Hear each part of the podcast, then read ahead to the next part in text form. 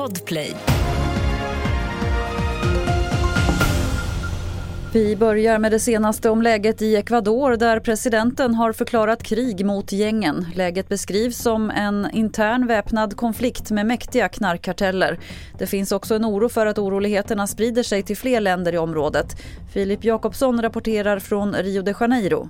Den här konflikten är ju på ett sätt redan regional eftersom den ju redan inbegriper kriminella organisationer i bland andra Ecuadors grannländer då, Peru och Colombia som är världens största kokainproducenter. Nu på kort sikt har Ecuadors grannland Peru utlyst nödläge i områdena med gräns mot Ecuador och här i Brasilien säger man att man följer läget noga. Förra året beslagtog polisen rekordmycket sprängmedel, över 10 ton och på nationella bombskyddet säger man att man aldrig sett något liknande. Dessutom var det 149 explosioner och det är det största antalet sedan Polismyndigheten började föra statistik. Till sist kan vi berätta att organisationen Svenska handbollsfans uppmanar support från Sverige att vara försiktiga under herrarnas handbolls-EM som inleds i Tyskland idag och inte vifta med flaggor eller bära landslagströjor på stan.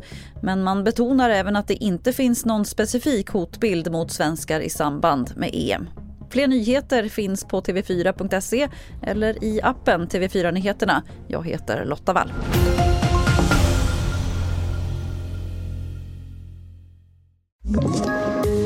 Poddtips från Podplay. I fallen jag aldrig glömmer djupdyker Hasse Aro i arbetet bakom några av Sveriges mest uppseendeväckande brottsutredningar. Går vi in med hemlig telefonavlyssning och, och då upplever vi att vi får en total förändring av hans beteende. Vad är det som händer nu? Vem är det som läcker? Och så säger han att jag är kriminell, jag har varit kriminell i hela mitt liv men att mörda ett barn, där går min gräns. Nya säsongen av Fallen jag aldrig glömmer på Podplay.